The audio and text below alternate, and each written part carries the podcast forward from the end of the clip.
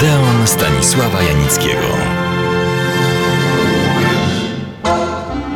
Kontynuuję dzisiaj prezentację artykułu Blaski i nędze gwiazd, który ukazał się w przedwojennym polskim czasopiśmie na szerokim świecie. Chodzi oczywiście o gwiazdy hollywoodzkie i to w szczytowym, międzywojennym okresie, kiedy światowa fabryka snów pracowała pełną parą, a jej przepraszam, produkty krążyły po całym, dosłownie całym świecie. Życie prywatne gwiazd było jednym z najczęstszych tematów popularnej prasy i radia. Z lubością opisywano skandale i skandaliki związane najczęściej z życiem intymnym. Repertuar był ustalony i z lubością kultywowany i rozwijany. Wydarzeniami szczytowymi były wielkie namiętności, miłości, ale i efektowne zdrady czy tragiczne samobójstwa. Obszerny artykuł, który cytuję, ma tę zaletę, że nie goni za sensacją, ale autor opisuje codzienne, przyziemne sprawy i życie małych i wielkich gwiazd Hollywoodu. Skończyłem na informacji, że, cytuję, 17% dochodów we wzorowym budżecie gwiazdy filmowej przeznacza się na oszczędności.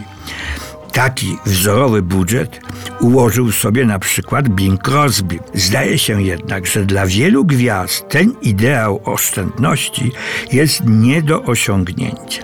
Buster Keaton pracował przez całe życie i dorobił się ostatecznie tylko kaftana bezpieczeństwa.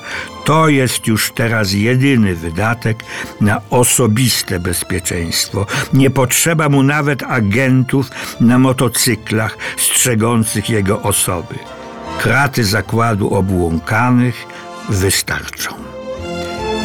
Cytuję dalej. Kobiety mają stosunkowo większe wydatki niż mężczyźni. Taki Bing Crosby nie jest elegantem. Wystarczy mu jeden używany sweter na 6 lat. Gwiazdy natomiast wydają sporo na swe toalety. Oczywiście należy to też do wydatków na propagandę.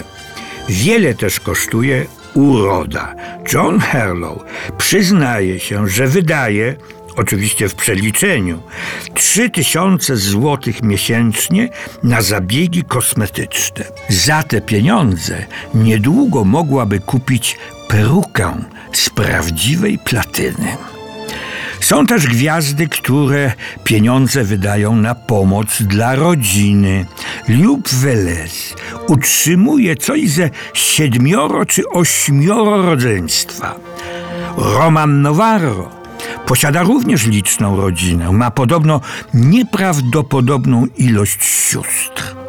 Inne znowu gwiazdy mają zobowiązania wobec swych byłych małżonków, bo trzeba wiedzieć, że Hollywood to właściwie jedna wielka rodzina.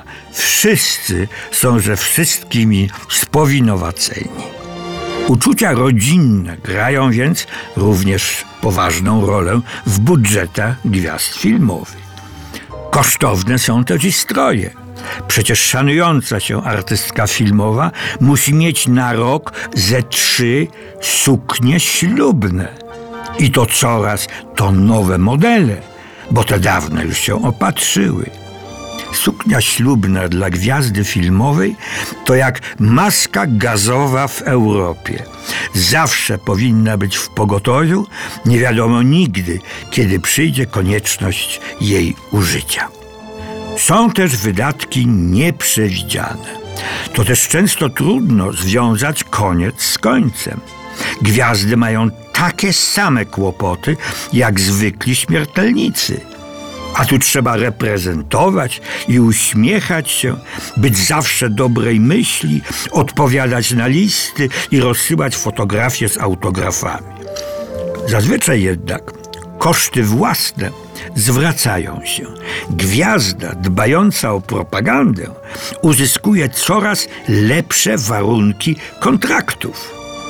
Wiele też gwiazd uzupełnia swe wykształcenie artystyczne. Pobiera lekcje tańca, śpiewu, muzyki.